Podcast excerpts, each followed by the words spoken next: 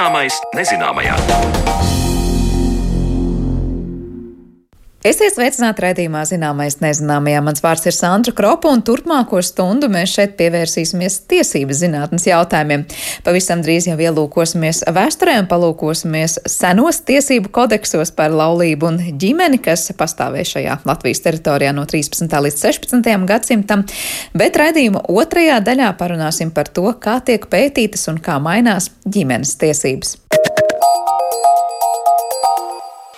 Ja vīrs šķīras aizbēgot no sievas, tad viņš zaudē savus laukus un visu mantu, kur valda viņa dēli un meitas. Tādas bija 13. gadsimta Rīgas arhibīskapijas zemnieku tiesības. Ko senie likumi stāsta par to, kā tika slēgtas un šķirtas laulības, kā risināts mantojuma lietas laika posmā no 13. līdz 16. gadsimtam tagadējā Latvijas teritorijā, to manai kolēģei Zanai Lācei stāstīs tūdēļ Latvijas Universitātes juridiskās fakultātes docente Elīna Grigora Bāra. Skatot tiesību vēsturi, ir grūti atrast vienu vienotu likumu krājumu, kurā ir rakstīts par laulībām un ģimeni. Kā teica Latvijas Universitātes juridiskās fakultātes docente Elīna Grigore Bāra, tad nosacītais sākuma punkts Latvijas tiesību vēsturē ir aptuveni 10. gadsimts, un agrīno likuma pirmais periods ir laiks no 10. līdz 13. gadsimtam, kad runa ir par pārāžu tiesību periodu. Skaidrojumu par to attālinātā intervijā sniedz Elīna Grigore Bāra paražu tiesību periods, kad nekādi likumi netika izdoti un nebija rakstītas tiesību normas, kas regulēja, kā slēgt laulības, kā šķirt laulības. Tas viss bija paražu līmenī. Un tur valdīja tajā laika posmā arī diezgan liela dažādība atkarībā no tā, par kādu cilti bija runa par kādu teritoriju. Un, uh, mums vēl ar vienu nav pilnīgu priekšstatu par to, kā tieši tika regulēts viss, kas saistās ar laulību un ģimenes tiesībām. Tas, ko mēs par šo sākotnējo laika posmu paražu tiesību periodu zinām, ir tas, ka laulību tiesības eh, evolucionēja, attīstījās. Un domājams, ka sākotnēji senākā laulība forma bija vardarbīgās laulības, kas ar laiku kļuva par līgumiskām laulībām. Un tad jau 13. gadsimtā tiek pieņemts, ka noteikti tā līgumiskā laulība bija dominējošā cilšu paražu tiesībās. Un tad ar līgumisko laulību mēs e, saskaramies vietējās e, ciltīs, arī vēlāk jau Livonijas periodā. Un tad tikai jau 16. gadsimtā visa paražu tiesību kārtība lielā mērā tiek aizstāta ar valstiski regulētu laulību Un, eh, sākot ar 16. gadsimtu, laulība kļūst tikai par baznīcas laulību. Tātad no 13. gadsimta līdz 16. zemniekiem un vietējiem pilnīgi noteikti dominējošās ir šīs paražas, tā līkumiskā laulība forma. Skaidrojums. Vardarbīga laulība no līgumiskās atšķiras ar to, ka tur precoties netiek prasīta sievas dzimtas piekrišana. Topošais vīrs vienkārši aizbrauc, paņem sievieti un aizved pie sevis mājās, un tā ir laulības noslēgšana. Tiesību vēsturi savulaik pamatīgi ir pētījis rakstnieks, vēsturnieks un folklorists Arvets Švābe, kurš 1927. gadā ir publicējis apskatu par vecākajām zemnieku tiesībām, un tur viņš raksta šādi. Tomēr vēl 15. un 16. gadsimtā pastāvēja līgavu laupīšanas paradums. 1422. gadā Valkas landāks nolēma, ja kāds nevācis ar varu aizved sievu vai meitu, tad tas kopā ar palīgiem sodāms ar kaklu, tas ir ar nāvi. Tomēr pat šie bargie sodi nespēja izskaust zemnieku ieradumu tiesības. Bet Elīna Grigore Bāra turpina ar laulību tiesību vēsturi. Pirmie rakstītie tiesību avoti, kuros eh, mēs redzam fragmentārus laulību tiesību regulējumus, ir 13. un 14. gadsimtā pierakstītās vietējās zemes tiesības. Nu, tur tiešām ir tikai atsevišķas tiesību normas, kas nosaka to, ka, piemēram, sievas pamešanas gadījumā vīrs zaudē visu savu mantu. Tāpat arī mantošanas tiesības, atsevišķas tiesību normas ir pierakstītas, taču nav nekas detalizēti regulēts par to, kā tieši laulība būtu slēdzama. Tas viss ir paražu līmenī, paražu tiesību formā. Un tāpēc vēlākie gan vēsturnieki, primāri, gan arī tiesību vēsturnieki no folkloras avotiem mēģina konstruēt to un izskaidrot, kā šī laulība ir bijusi. Turpinājumā Elīna Grigore Bāra stāsta par 17. gadsimta dokumentiem, kur ir redzams, kā par laulāto tiesībām, tā teikt, morālisko aizbildnību uzņemas baznīca. Pirmais apjomīgākais noteikti būtu kanoniskās tiesības un kanoniskajās tiesībās, kas eh, bija piemērojamas arī Livonijā. Ir eh, reglamentēta gan laulības slēgšana, gan šķiršanas, nevis šķiršanas gadījumi, bet gadījumi, kad laulība varēja atzīt par nēsošu. Bet Latvijas kontekstā man liekas, ka interesantāk ir tieši periodā jau pēc reformācijas kad 1687. gadā tika pieņemtas baznīcas likums un kārtības Zviedru vidzemē. Un, ja mēs mēģinām kaut kādu interesantu tiesību normu atrast, tad šajos Zviedru vidzemes tiesību avotos, tātad 1687. gada avotā, piemēram, ir um, ietverts paragrāfs, kas saka, ka, citēju, Tautai jāatgādina, lai tā viegliprātīgi neuzņemas ilgstošas laulību norunas ar nosacījumiem, jābrīdina arī no priekšlaicīgas piegulēšanas, jāatrunā no tās. Un tiem, uz kuriem tas attiecas, neļaut vest kopīgu saimniecību pirms laulības noslēgšanas baznīcai bija uzticēta funkcija sekot līdzi, lai tas viss notiktu saskaņā ar baznīcas tiesībām un godīgi. Un laicīgā vara valsts tiesas bija iesaistītas tad, ja runa bija par kādu faktu pārbaudīšanu, piemēram, ja bija šaubas, ka persona jau ir laulībā, un tad nedrīkstētu otrais slēgties. Un arī tad, ja bija mantiska rakstura strīdi. Tātad tā bija tāda dalīta kompetence starp valsts varu un baznīcu, kurām abām bija jāsako līdzi, lai laulātie rīkojas saskaņā ar tiesībām, un tiesības bija ļoti cieši saistītas ar morāli. Mēs turpat nevaram novilkt nekādu līniju, tas viss ir sapludināts vienā veselumā. Skatot mantojuma jautājumus gan Livonijas laika Latvijā, gan arī vēlāk, redzam, ka mantojums tiek dalīts pēc principa tēva daļa dēliem, mātes daļa meitām. Tas ir eh, tas vispārīgs princips, pie kura vēl ar vienu eh, pieturās eh, tiesību vēsturē, vismaz zinātnieki. Un tā doma ir tāda, ka visa mantojuma masa sadalās tēva mantā un mātes mantā. Tas, kas ir piederējis tēvam, tas ir nekustamais īpašums, tas pārietu tēliem. Savukārt kustamās lietas, kas ir rotas, apģērbi, sīklopi, tie pārietu meitām. Uh, Taču, ja nav dzimtā dēlu, tad viss mantojums piekrīt meitām. Līdz ar to priekšroka, protams, ir dēliem, kā zemes mantotājiem, kā tēva novada mantotājiem. Taču, ja viņu nav, tad visu šo tālāk jau to funkciju, gan uzturēt saimniecību, gan aprūpēt visus pārējos, uzņemās sievietes. Atraitni kopā ar meitām. Ielūkojoties atkal Arveda Švābes zemnieku tiesību apkopojumā, lasām, ka kurzemes zemnieku tiesībās ap 16. un 17. gadsimtu ir rakstīts šādi. Ja vīrs ņem sievu, tad viņš var tai piešķirt visu mantu, izņemot tīrumus, pļavas un bišu kokus. Taču jau laulībā radās problēmas. Tad ir jautājums, vai arī agrāk, līdzīgi kā šodien, varēja iet pie mācītāja vai tiesas kunga un teikt, lai laulā vaļā, jo lūk, sieva ir slinka vai vīrs, piemēram, kašķīgs. Kanoniskās tiesības eh, laulību Livonijas periodā atzina par sakrālu aktu, līdz ar to šķiršana nebija iespējama, taču tika izmantota konstrukcija par laulības atzīšanu par nēsošu. Pēc reformācijas situācija mainās. Laulība vairs nav sakraments, bet laulība tiek atzīta par um, civiltiesisku darījumu. Un uh, pēc reformācijas laulības šķiršana ir atļauta, taču tikai īpašos uh, likumā paredzētos gadījumos, ievērojot likumā noteikto procedūru. Tās pašas uh, Zviedrijas baznīcas tiesības 17. gadsimtā noteica, ka vispirms jau mācītājiem ir jāmēģina samierināt abas puses. Nu, tad, ja tas galīgi neizdodas, tad, protams, laulību var šķirt, ja pastāv tie noteiktie iemesli. Kas tad bija par īpašajiem iemesliem, kas pieļāva laulības šķiršanu?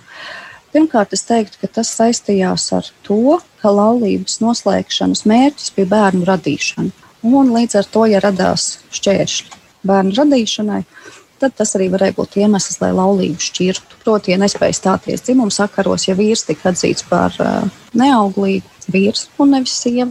Uz sievieti to neatiecināja. Sievietes neauglība arī pēc kanoniskajām tiesībām nevarēja būt pamats, lai laulību izbeigtu. Ja vīrs bija impotents, tad tas varēja būt par iemeslu, lai ļautu laulību kanoniskajās tiesībās atzīt par nēsošu vai pēc luterāņu laulībām, laulību tiesībām to izbeigt. Tāpat arī, protams, ja atklājās kāds no šķēršļiem laulību noslēgšanai, piemēram, ja izrādījās, ka ir bijusi iepriekšējā laulība, kas nav izbeigta, ja ir dubultā laulība bijusi, ja ir bijusi maldība par laulātā personību. Tātad, ja tas laulātais bija uzdevies par citu personu nekā viņš ir, vai arī par citas kārtas personu, tas arī varēja būt iemesls, lai laulību šķirtu. Tiesībās ir īpaši atrunāts tas, ka maldīšanās par laulātā raksturu nevarēja tikt izmantots kā iemesls laulības šķiršanai. Tātad, ja izrādījās, ka tas eh, vai nu sieva vai vīrs ir ļoti nejauka rakstura un nepanesama personība, tas nebija juridiski būtisks iemesls. Bet, ja viņš bija uzdevies, piemēram, par bruņinieku, kāds patiesībā nebija, vai par pilsētnieku, tad gan varēja mm, šķirt. Tāpat arī, ja tas jau vēlākos laikos Krievijas impērijā gan parādās, ja laulātais tika sodīts par ļoti smagu noziegumu izdarīšanu un tika aizsūtīts, eh, piemēram, katorgā vai notiesāts ar nāvi un visu tiesību atņemšanu, tad arī tas varēja būt iemesls, lai laulību šķirtu. Bet kas notika, ja, piemēram, 16. un 17. gadsimtā vīrs vai sieva pārkāpa laulību un tika pieķerta ar mīļāko? Un te manai sarunu biedrenei atkal ir interesanti piemēri no vēsturisko tiesību krājuma. Laulāto neusticība arī viens ļoti būtisks iemesls, lai laulību varētu šķirt, ja puses ar to nevar samierināties. Jo varēja piedot, ir pat um, Zviedru tiesībās tāda tiesību norma, kas nosaka, ka, ja vīrs pēc tam, kad uzzinājis, ka sieva ir bijusi neusticīga, tomēr ar viņu ir gulējis, tad tiek atzīts, ka viņš ir viņai piedevis, un tātad tad viņš vairs laulības šķiršanu nevarēs prasīt. Tātad, runājot par neusticību, tiesības paredz gadījumus, kad ir iespējams samierināties un piedot, un tad laulību neizšķir, vai arī gluži pretēji tas ir pilnīgi strikts iemesls, lai laulību šķirtu. Tāpat arī interesants noteikums bija Zviedru baznīcas tiesībās, kā nedrīkst vēlāk otrais laulāties ar savu mīļāko. Tā, ar kuru laulību tika pārkāpta, vīrietis to otrā laulību apprecēt nedrīkst. Pēc laulības šķiršanas, eh, paiet noteiktam laika posmam, citu precēt drīkstēja, bet ne to, ar kuru viņš iepriekš bija spēris sānu solī. Ieskatu vēsturiskajā tiesību kodeksā par laulību un ģimeni sniedza Latvijas Universitātes juridiskās fakultātes docente Elīna Grigora Bāra, un ar viņu sazinājās mana kolēģi Zana Lāce. Bet par to, kā mainās ģimenes tiesības, mēs parunāsim raidījuma turpinājumā.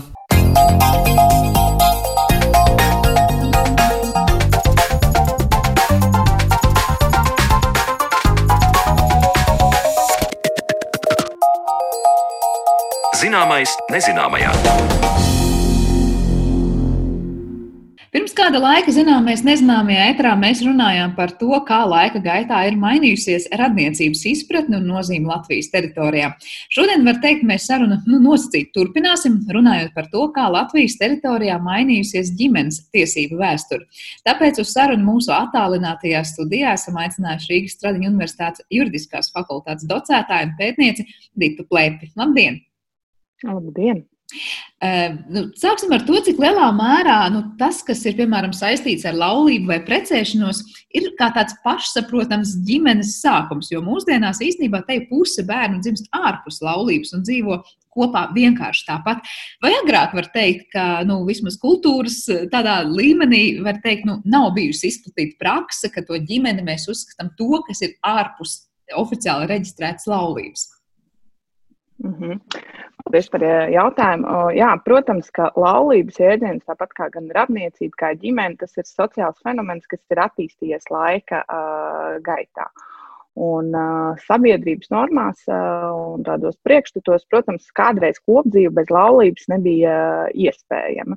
Uh, bet, ja mēs skatāmies tīri no tāda juridiska viedokļa, kas ir tas mans pētniecības priekšmets, uh, laulībai uh, ir bijis mazs sakars ar uh, mūsdienās ļoti pazīstamām jūtām, kas ir balstītas uz mīlestību un cieņu. Un bieži vien laulība ir bijis vai nu veids, kā uh, pavairot ietekmi ģimenei. Uh, vai veids, kā pavairot uh, mantu. Un, un, un, protams, tas ir arī bijis tāds civiltiesisks uh, darījums, un arī bērni, kas ir dzimuši laulībā, tas ir bijis veids, kā nodot uh, tālāk īpašumu, jo mums ir ļoti skaidra līnija ka uh, dzimta turpinās. Un tādā ziņā, protams, ar laika gaitā tas ir uh, attīstījies. Mēs varam redzēt arī dažādus uh, kultūras noslēņojumus šim uh, institūtam. Un tikai tāds 19. gadsimta beigas, varbūt 20. gadsimta vidus ir saistīts ar laulību, kas ir balstīta uz tīri emocionālām jūtām.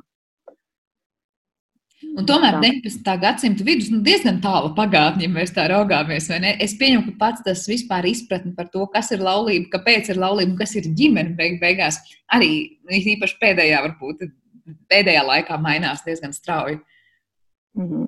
Jā, nu šeit, protams, mēs varam redzēt arī uh, kanonisko tiesību ietekmi, jo um, tad, tad laulības institūts un, un arī visas šīs privātiesības, protams, ir raksturīgas arī romiešu tiesībām, un tur, protams, arī bija skaidra tā mantošanas vertikāla, bet pēc Romas impērijas sabrukuma šo, protams, pārņem uh, Romas katoļu baznīca un uh, tad, tad priekšstats par to, kāda ir šķēršļa laulības noslēgšanai un, un, un kad var laulību noslēgt.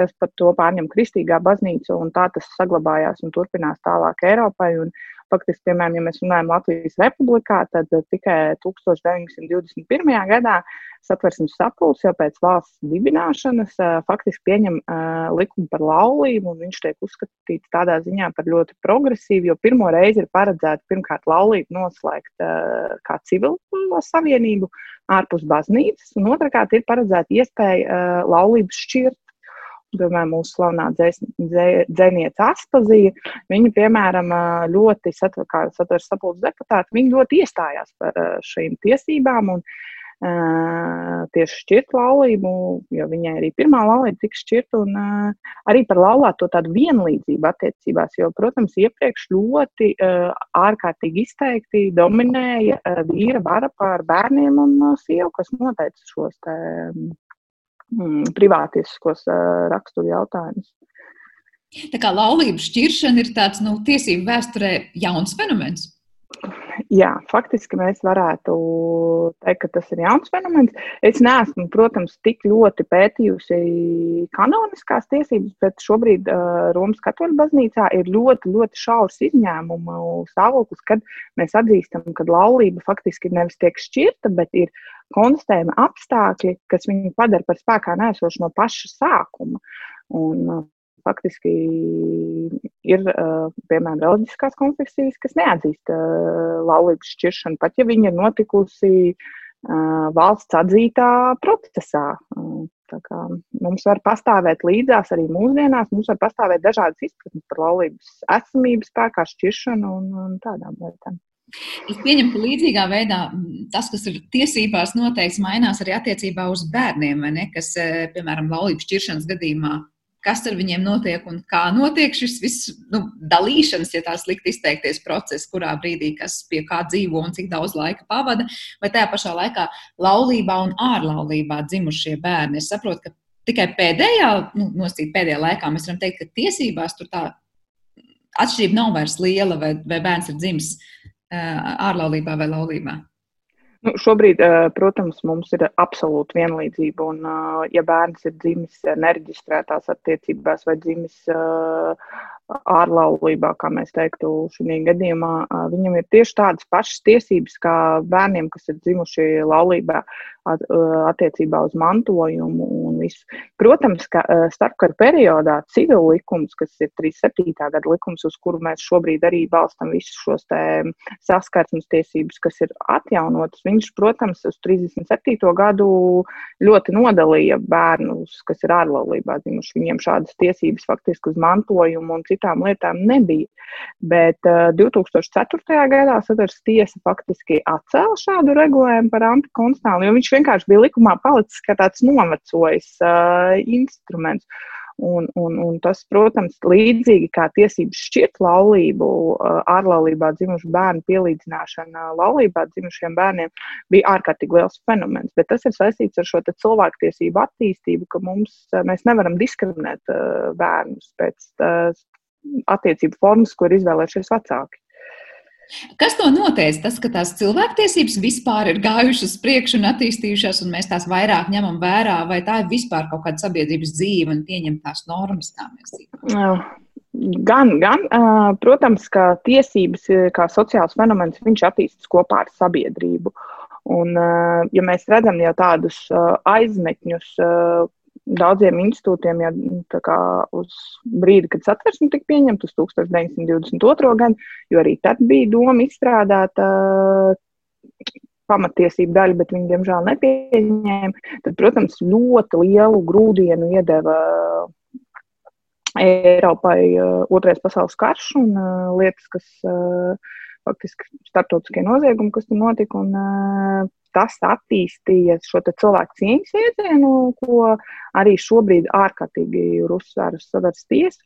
Un tas radīja arī to pamatiesību, faktiski katalogu un diskriminācijas aizliegumus. Tā, te mēs varam redzēt šo vēsturisko evolūciju, kas ietekmē izpratni par tiesībām. Un, uh, arī, piemēram, šobrīd, ja mēs skatāmies uz vienzimumu pāriem, tad uh, šeit mēs arī redzam to situāciju, ka sabiedrība pati ir mainījusies. Mums ir ļoti daudz šādu ģimeņu, viņiem ir, bērni, viņiem ir bērni, viņiem ir īpašumi. Un, un mēs nevaram vairs ignorēt to viņu kopdzīvi, un uh, mums ir jārisina dažādi jautājumi, kas izriet no viņu kopdzīves. Piemēram, kas notiek ar uh, viņu bērniem, ja viens no partneriem uh, iet bojā vai uh, tāds. Un līdz ar to likumdevējs ir aicināts uh, šo situāciju risināt tieši tā iemesla dēļ, ka tas jau ir tas fakts, kas ir noticis sabiedrībā. To jau vairs nevar ignorēt. Var teikt, tiesības ir līdzi tam, kas notiek sabiedrībā, nevis tik daudz nosaka, kas ir un kas nav pieņemams. Bet kāda ir šobrīd tā situācija? Jūs minējāt, ja gadījumā no vienzimuma pāriem, kuriem ir bērni, viens no, no, no, no pāra tad tiešām vai nopietni saslimst vai, vai nomirst, kas notiek šobrīd, cik aizsargāti ir tie bērni, kas ir viņiem? Nu, faktiski tās situācijas noteikti būs ļoti dažādas, bet, ja mēs skatāmies tādā civil likuma, tur darbojas šobrīd, protams, civil likums, un šeit ieslēdzās tā radniecības sistēma, jo ir skaidrs, ka uh, likums nekādā veidā neregulē vai neatzīst šādas um, attiecības, un līdz ar to uh, otrs partneris bērnam, uh, viņiem ir tikai šī faktiskā saikne. Un, uh, nāves gadījumā šis jautājums tiktu apspriests ar tuvākajiem radiniekiem. Tātad otra partnera vecākiem, vecvecākiem, brāļiem, māsām. Un, un, un šādā ziņā viņiem uh, tiešām nav uh, nekāda tiesiskā aizsardzība un uh, arī privātiesiski nekādā veidā caur kaut kādiem pilnvarojumiem līgumiem to nevar risināt, ja tur iestājas nāve vai kaut kādas tādas attiecības. Un tas ir tas, par ko uh, šobrīd runā visas uh, kustības, kas uh, aicina regulēt šos jautājumus, jo tā aizsardzība nav nekāda. Šeit mēs nonākam ja, pie tā jēdziena par to, kas īsti ir ģimene un kāpēc par to ir tik būtiski runāt arī, es saprotu, satversmē un kāpēc to jēdzienu būtu labi paplašināt. Kā jūs vērtējat to, nu, kāpēc mēs tik ļoti bremzējam ar to, ka mums sabiedrībā ir diezgan liela daļa, kurā ir nu, nepieņemama tas, ka ģimenes jēdziens var tikt attiecināts arī uz vienzimumu pāriem? Uh, tas, protams, ir saistīts gan noteikti ar audzināšanu, piedarību pie reliģijas un, un, un dažādām uh, sociālām lietām, bet, ja mēs skatāmies, piemēram, ģimenes jēdzienas atversmes izpratnē, tad ģimenes jēdzienas atversmes izpratnē ir autonoms, un to arī sadarbs tiesa tā visu laiku ir uzsvērus, ka mēs piepildam šo jēdzienu ar dažādām uh, faktiskajām attiecībām, kas ir. Ja kādreiz, piemēram, mēs ģimenei liktu vienādības zīmi pilnīgi tikai ar laulību, tad šobrīd mums nav šaubas, ka ģimene ir arī māte un vecmāmiņa, vai ģimene ir divi cilvēki, kas ļoti ilgstoši dzīvo kopā. Bet šeit ir arī, man kolēģi vienā rakstā Baibrudēs, ir eh, par šo tā ironizējis un uzdevis jautājumu, nu, cik tālu mēs varam paplašināt šo ģimenes jēdzienu juristi, un vai tad eh, sanāks, ka doktors Vatsons un Šarloks Holms tad arī būs ģimene. Un šeit eh, tā atbilde droši vien būtu tāda, ka mm, ģimene ir saistīta arī ar personas privātu autonomiju un to izvēli. Ja doktors Vatsons un Šarloks Holms kopīgi ar Hudsons kundze jūtas kā ģimene, tad uh, viņiem var šīs attiecības tādas var pastāvēt. Un atsevišķos gadījumos valstī ir jārespektē tas, ka viņi jūtas kā ģimene un jāpiedāvā kaut kādi instrumenti, lai viņi varētu organizēt šo savu ģimenes dzīvi. Savukārt, ja viņi savu kopdzīvi tā nedefinē, tad uh, mums nav nekāds pienākums uh, arī viņus šādi redzēt. Un tas, ko, ar ko juristi bieži vien grēko, viņi civil likumu pasludina par tādu bībeli, eh, jo civil likumā tiešām viņš ir balstīts uz šo ļoti tradicionālo izpratni par ģimeni, kur ģimene ir balstīta uz laulību, bet civil likums regulē tikai šobrīd vienu šo faktiskās, nu, šī viena kopdzīves forma. Mēs paralēli redzam citas kopdzīves formas un satversmi, kā tāda mūsu konstitūcija, kas, kurai tas augstākais spēks, viņi paredz to, ka tas ģimenes jēdziens var būt dažāds. Ģimene var būt balstīta uz laulību, bet viņa var būt balstīta arī uz citām saitēm, kuras personas uh, uzskata par uh, pietiekami nozīmīgām. Un tas ir tas, ko sadarbs tiesa uh, faktiski skaidro un ierakstīta arī pēdējā spriedumā, kas ir uh, izsaucis plašā uh, tādu rezonanci par uh, vienzimumu pāru uh, savstarpējo kopdzīvi. Un tādā spriedumā ļoti plaši ir rādīts, ka ģimenes jēdziens var būt ļoti dažāds. Bet var teikt, ka līdz šim tas nu, tradicionāli to ģimenes jēdzienu uzskata, ka ir divi ceļi. Viens ir tie, kas ir radinieki tiešām, nu, kurš kuram piedzimta, tad ir māte, meita, dēls un tā tālāk. Uh, un otrs ir tātad, kurš ar kuru ir oficiāli lau, laulību reģistrējis, tātad šī kopdzīve.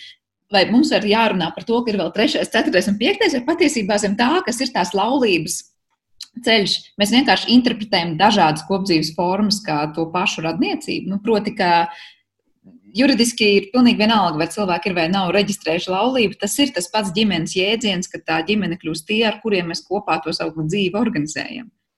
Nu, no satversmes izpratnē ģimenes jēdziens ir plašs. Ģimene var būt arī kopdzīve, kas balstās ļoti personiskām attiecībām. Savukārt, satversmē paralēli ja, tiek risināts jautājums par laulību, un tur laulība ir ļoti šauri uzrakstīta, jo laulība tiešām var būt tikai starp vīrieti un sievieti. Un, uh, līdz ar to um, arī satversme aizsargā šo uh, formu. Savukārt ģimenes jēdziens, kā jūs sakat, var būt dažāds. Četri, pieci un uh, dažādi attiecību modeļi, kur svarīgi būtu tā personu paša izjūta, ka tas kopdzīves forma, kā viņi dzīvo, tā ir ģimene. Jo, uh, piemēram, mēs redzam, ka uh, arī piemēram, studenti uh, kopmītnēs dzīvo kopā. Bet viņiem taču varbūt neveidojas, un viņiem nav šīs savstarpējās attiecības tādas, kas uh, saistītas ar ģimeni. Viņiem vienkārši ir uh, kopdzīve, kas ir balstīta uz kaut kādiem noteiktiem uh, kritērijiem. Bet savukārt uh, ir uh, pāri, kuri dzīvo kopā un uh, Viņiem ir ļoti dziļas personīgas attiecības. Un, protams, ka arī šis pandēmijas laiks ievieš jaunus izpratni par ģimenēm, plus uh, Eiropas Savienība, kas uh, ir nu, ļoti pārnacionāla. Jo mēs šobrīd varam teikt, ka arī kopdzīve nav vienīgais kriterijs. Jo personas var uh, saglabāt ļoti dziļas personīgas attiecības un sevi definēt kā ģimeni, pat nedzīvojot kopā vai šobrīd tieši pandēmijas apstākļos mēs nevaram satikties ar saviem tuviniekiem. Bet tas jau nenozīmē, ka mums nav šīs attiecības. Līdz ar to varētu būt ļoti dažādi.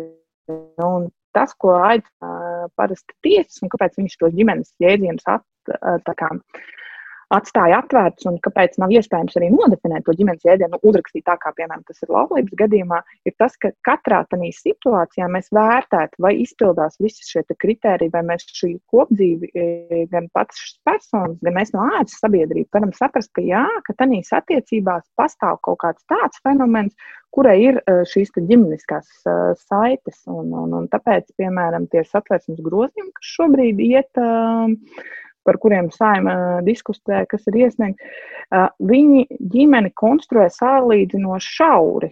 Un, tas, kas ir vienmēr tiesībās izaicinājums, mēs nevaram uzrakstīt visu iespējamo. Un tikko mēs kaut ko pierakstam, mums kaut kas paliek ārpusē. Un tad ir jautājums, vai tiem, kam paliek ārpusē, vai viņiem ir šīs uh, tiesības un viņiem nepieciešama šī aizsardzība. Un tāpēc tiesībās ļoti bieži ir izplatīti šie jēdzieni ģimene kas, piemēram, satversmē e, ģimenes jēdziens e, bija jau minēts 22. E, gadā. Viņš gan nebija minēts tādā tiesību izpratnē, bet tur bija regulējums, ka saimas deputāti nedrīkst izplatīt godu un cieņas aizskarošas ziņas par privātu un ģimenes dzīvi. Un, uh, tur sadarbs sapulcē arī debatēja par šiem jautājumiem. Un ir skaidrs, ka uh, tajā laikā varbūt ar ģimenes dzīvi mēs varējām saprast tieši šo laulības dzīvi. Bet šobrīd tas jēdziens ir uh, evolucionējis uz priekšu, un mēs varam ietvert ar vien daudzāk.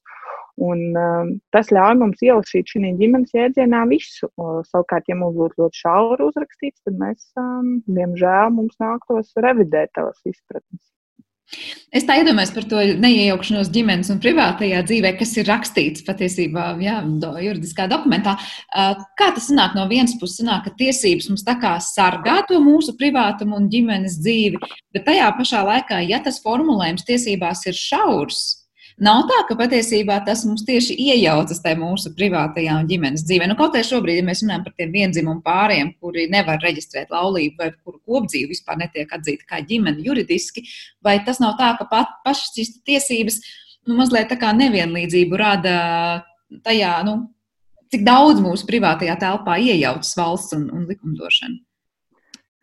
Protams, katrs formulējums, kas ir šāds, viņš iejaucās. Un šeit ir arī satversmē, tas ir diezgan skaidri aprakstīts, kā privātums kā tāds, protams, ir tā lieta, kur valstī nav tiesības iejaukties. Un, Iejaukšanās ir nepieciešama tikai šādos kaut kādos strīdu gadījumos, kad mums vajag pateikt diezgan skaidru mantošanas līniju, vai, piemēram, nodefinēt, kad varētu rasties interešu konflikti, kad viens par otru varētu lemt. Un, bet nu, valstī ir arī, kā jūs minējāt, šie pozitīvie pienākumi, ka redzot, ka mums ir šī faktiskā kopdzīve kādai sabiedrības grupai, nodefinēt tos minimālos kritērijus, lai mēs visi varētu saprast, ka tur ir uh, ģimeniskas attiecības un ka mums attiecīgi pārējiem ir jārēģē uz šīm attiecībām. Piemēram, uh, medicīnas personāls, ka viņš drīkst šai personai izsniegt uh, šo informāciju. Tā kā valstī ir vairāki pienākumi, viņai ir gan pienākums tiešām neiejaukties, un tāpēc arī lielā mērā ilgstoši arī valsts ir ļoti respektējusi. Viņa nav jaukusies šīs uh, privātajās uh, attiecībās. Un arī tāpēc valstī ir jābūt piesardzīgai, bet no otras puses viņai ir šis pozitīvais pienākums. Tā kā visās tiesību jomās mums ir jāsabalansē šie te, uh, pienākumi, uh, gan neiejaukties, gan uh, nodrošināt visus instrumentus, lai mēs šīs tiesības varētu baudīt. Un jūs klausoties, liekas, no vienas puses var teikt, ka izpratne tiesību kontekstā par ģimeni ir gājusi tā kā nu plašumā, un var teikt, tās tiesības ir kļuvušas daudz demokrātiskākas un visaptverošākas. Vai tomēr, jūsuprāt, mums pārāk lēni notiek kaut kādas izmaiņas tajā, ko mēs iekļaujam, ko atstājam, kā teikt, ārpus tā tiesiskā rāmja šajā kontekstā? Jūs vienalga runājat par tiem bērniem vai, vai jā, laulātajiem? Nu, mums, protams, tiesības, kā jau es minēju, sabiedrības fenomens, attīstās kopā ar sabiedrību. Un, piemēram, mūsu valsts prezidents Egils Levits, kurš ir nu, arī tāds tiesību domātājs, ir teicis, ka likumiem bieži vien rakstot likums ir jānoķer vējš. Ka tie fenomeni attīstās tik ātri, un likumdevējs un likumdošanas process, protams, ir ļoti lēns, un viņš netiek līdzi. To mēs redzējām arī, piemēram, ļoti ilgu laiku. Katru ceturtdienu pie saimas debatē, de, nevis debatē, bet um, protestēja par, tieši par šo vienzimumu pāru regulējumu. Mēs esam redzējuši, ka vairākas reizes tiek vākti šie paraksti par uh, to, ka ir nepieciešams šis regulējums. Un šeit likumdevējs tiešām nu, nebija paspējis to izdarīt. Jo, ja mēs skatāmies tādā pētnieciskā viedoklī, tad, piemēram, pirmais tāds regulējuma projekts jau 97. gadā bija, kas ir vērsts uz vienzimumu attiecību tādu reģistrēšanu. To valsts cilvēktiesību biros iesniedz. Līdz ar to nu, te ir gan tas lēnums, gan ātrums. Un, un, un, un, un tas viss attīstās, attīstās. Tagad mums ir jauni izaicinājumi priekšā šeit definēt. Jā, un kā jūs minējāt, pandēmijas laiks iezīmē ļoti daudz šīs konkrētās lietas, kurās mēs saskaramies ar to, kur kaut kas varbūt nav līdz galam sakārtots, vai mums patiesībā tiešām dzīve ir mainījusies, un mums tikai jāspēj tas pēc tam arī fiksēt tīri juridiski tajos visos konkrētajos dokumentos. Bet jautājums par tādu lietu, kas šķiet, nu gan ir gājusi mazumā un vairāk ir palikusi vēsturē, eh, tāds kā sadarināšanās periods. Es saprotu, ka juridiski tas ir bijis kaut kas diezgan nu, nopietns un visaptverošs vismaz kaut kādā laikā laikā, jo tas ir tieši saistīts arī ar, saprotu, mm, ne gluži mantojuma tiesībām, bet ar kādām tieši par, ar mantām. Ar mantām. Mantām. Jā, nu kā jau es minēju. Mm. Kā jau es minēju, protams, šis te, nu, vismaz civil likumā, mēs uz laulības lietām, tur ir definēts arī personiskās attiecības, ka ir jāizturās ar cieņu un mīlestību vienam pret otru, bet tas primāri ir jautājums par mantu. Un sadarināšanās regulējums civilikumā ir par tām dāvanām, ko tas uh, viens no uh, tiem līgavains, piemēram, dāvina līgavai. Vai savukārt līgava uh, dāvina um, līgavainim.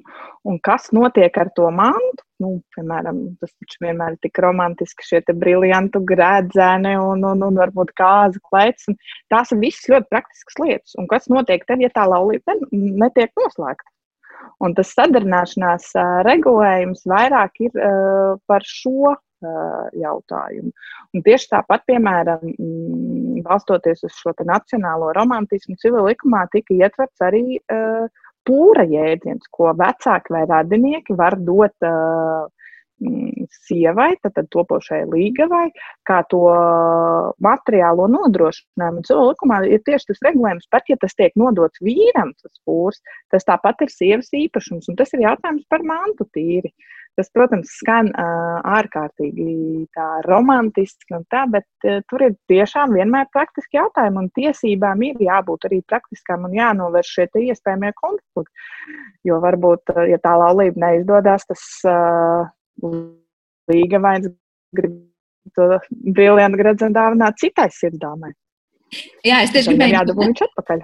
Es gribēju vaicāt, tas nozīmē gadījumos, ja līdz tām pašām laulības noslēgšanai netiek.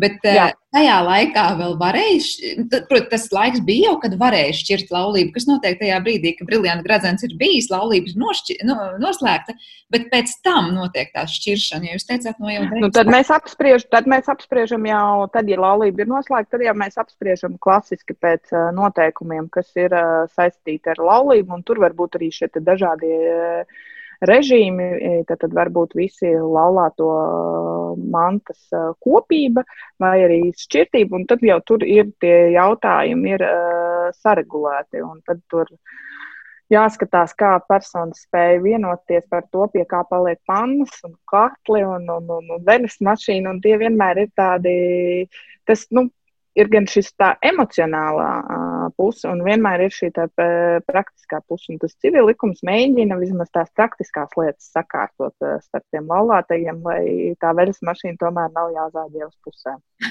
Jā, šobrīd nevar iedomāties situāciju, ka tomēr laulātie kādā brīdī mēģina tomēr tieši ceļās risināt jautājumu par veļas mašīnu, bet kā ir mūsdienās, liekas tāds relikts mazliet domājot par šīm sadarināšanās dāvanām un to regulējumu, ja šobrīd ir tas briljanti gradzens uzdāvināts un pēc tam tā laulība nenotiek vai tiek šķirta, ir tas tiesiskais regulējums joprojām tāds, kas liek tai sievai atdot šo gradzenu vīram? Nu, tas regulējums gan par pūru, gan par sadarināšanos ir civilikumā ietverts. Viņš ir spēkā esošs. Protams, jautājums, vai cik mūsdienās viņus piemēro un, un kā, kā tās situācijas risina tiesiski ir iespējams, ir iespējams vērsties tiesā. Bet, protams, piemēram, uz to 37. gadu jau civil likuma komentārus, nu, eksperti, kas tiesību zinātnieki runāja par šo, viņi jau minēja, ka šie institūti jau uz to laiku bija diezgan novecojuši. Bet uh, nu, tās tiesības ir paredzētas un viņas var arī aizsargāt. Tāds ir tiesību uzdevums būt praktiski pielietojumam. Protams, cik mūsdienās, piemēram, ir šāds ilgstošs sadarināšanās periods, nu, tas, tas, tas ir tāds cits jautājums. Jo arī mūsdienās laulība ir nu, mazāk nozīme. Daudz cilvēku izvēlas dzīvot faktiskajā kopdzīvē, tomēr tas uh, liedz tiesību aizsardzību pie ļoti ekstrēmiem gadījumiem. Mēs redzējām Zolītūdas eh, traģēdijas gadījumā, kur bija, tur bija tās nereģistrētās kopdzīves un, un tā, bet tādā ziņā likums ir ļoti cinisks. Ja uh, heteroseksuāli pāri grib aizsardzību, viņiem ir nepieciešams slēgt uh, laulību. Tā to var risināt. Noslēdzot jau pamazām mūsu sarunu, es saprotu, par ģimenes tiesībām var runāt daudz un dikti. Mēs jau mazliet ieskicējām to, kā tās ir mainījušās laika gaitā, un jūs arī minējāt situācijas, kurās mēs saskaramies šobrīd, kur būtu tiešām par to daudz nopietnāk jādomā. Kāda ir jūsu tāda pētījuma lauka aktualitāte? Un saprotu, jums ir bijis pētījums arī visam nesen ja, par, par, par eh, ģimenes tiesību dažādiem aspektiem. Varbūt jūs varat ieskicēt, kāda ir šobrīd vispār tiesību zinātnē tā pētnieciskā aktualitāte. Uh mhm. Uh, jā, es tad Rīgas Stradiņu universitātes projektu ietveros, um, esmu uzaicināta pētīt ģimenes tiesību un tādas radniecības jautājumus, bet šeit uh, satversmes priekšsēdētāja un profesora Sanita Osipova ir ļoti daudz pētījis. Viņai ir ļoti interesanti pētījumi tieši par to, kā tas ir uh, attīstījies. Es savu pētījumu ietveros vairāk skatījos uh, tos argumentus, uh, kā uh, attīstījusies ir izpratne par uh, satversmes uh, ietvaros, kur mēs esam nonākuši pie šī autonomā jēdziena um, izpratnes. Protams, uh, tur jāņem vērā arī uh, konteksts, kā tas ir mainījies. Un, uh, ja, piemēram, tajos laikos visiem slaveni zināmais ārlietu ministrs Zikfrīds Anmeirovics šķīrās no savas trīs bērnu sievas, no trīs bērnu mātes, un tas bija absolūts skandāls, ka viņš apprecējās ar Kristīnu Bahmanu. Tad šobrīd, piemēram, mums ministrs šķirās, precās, un tas vispār nav nekas atšķirīgs. Tas, ko mēs redzam no tās attīstības, ir uh, tas, ka, protams, arī padomu laiks, lai arī mums tā neliekas, ir atstājis zināmus nospiedumus uh, izpratnē par laulību. Tādā ziņā tas regulējums arī bija pat daudz progresīvāks nekā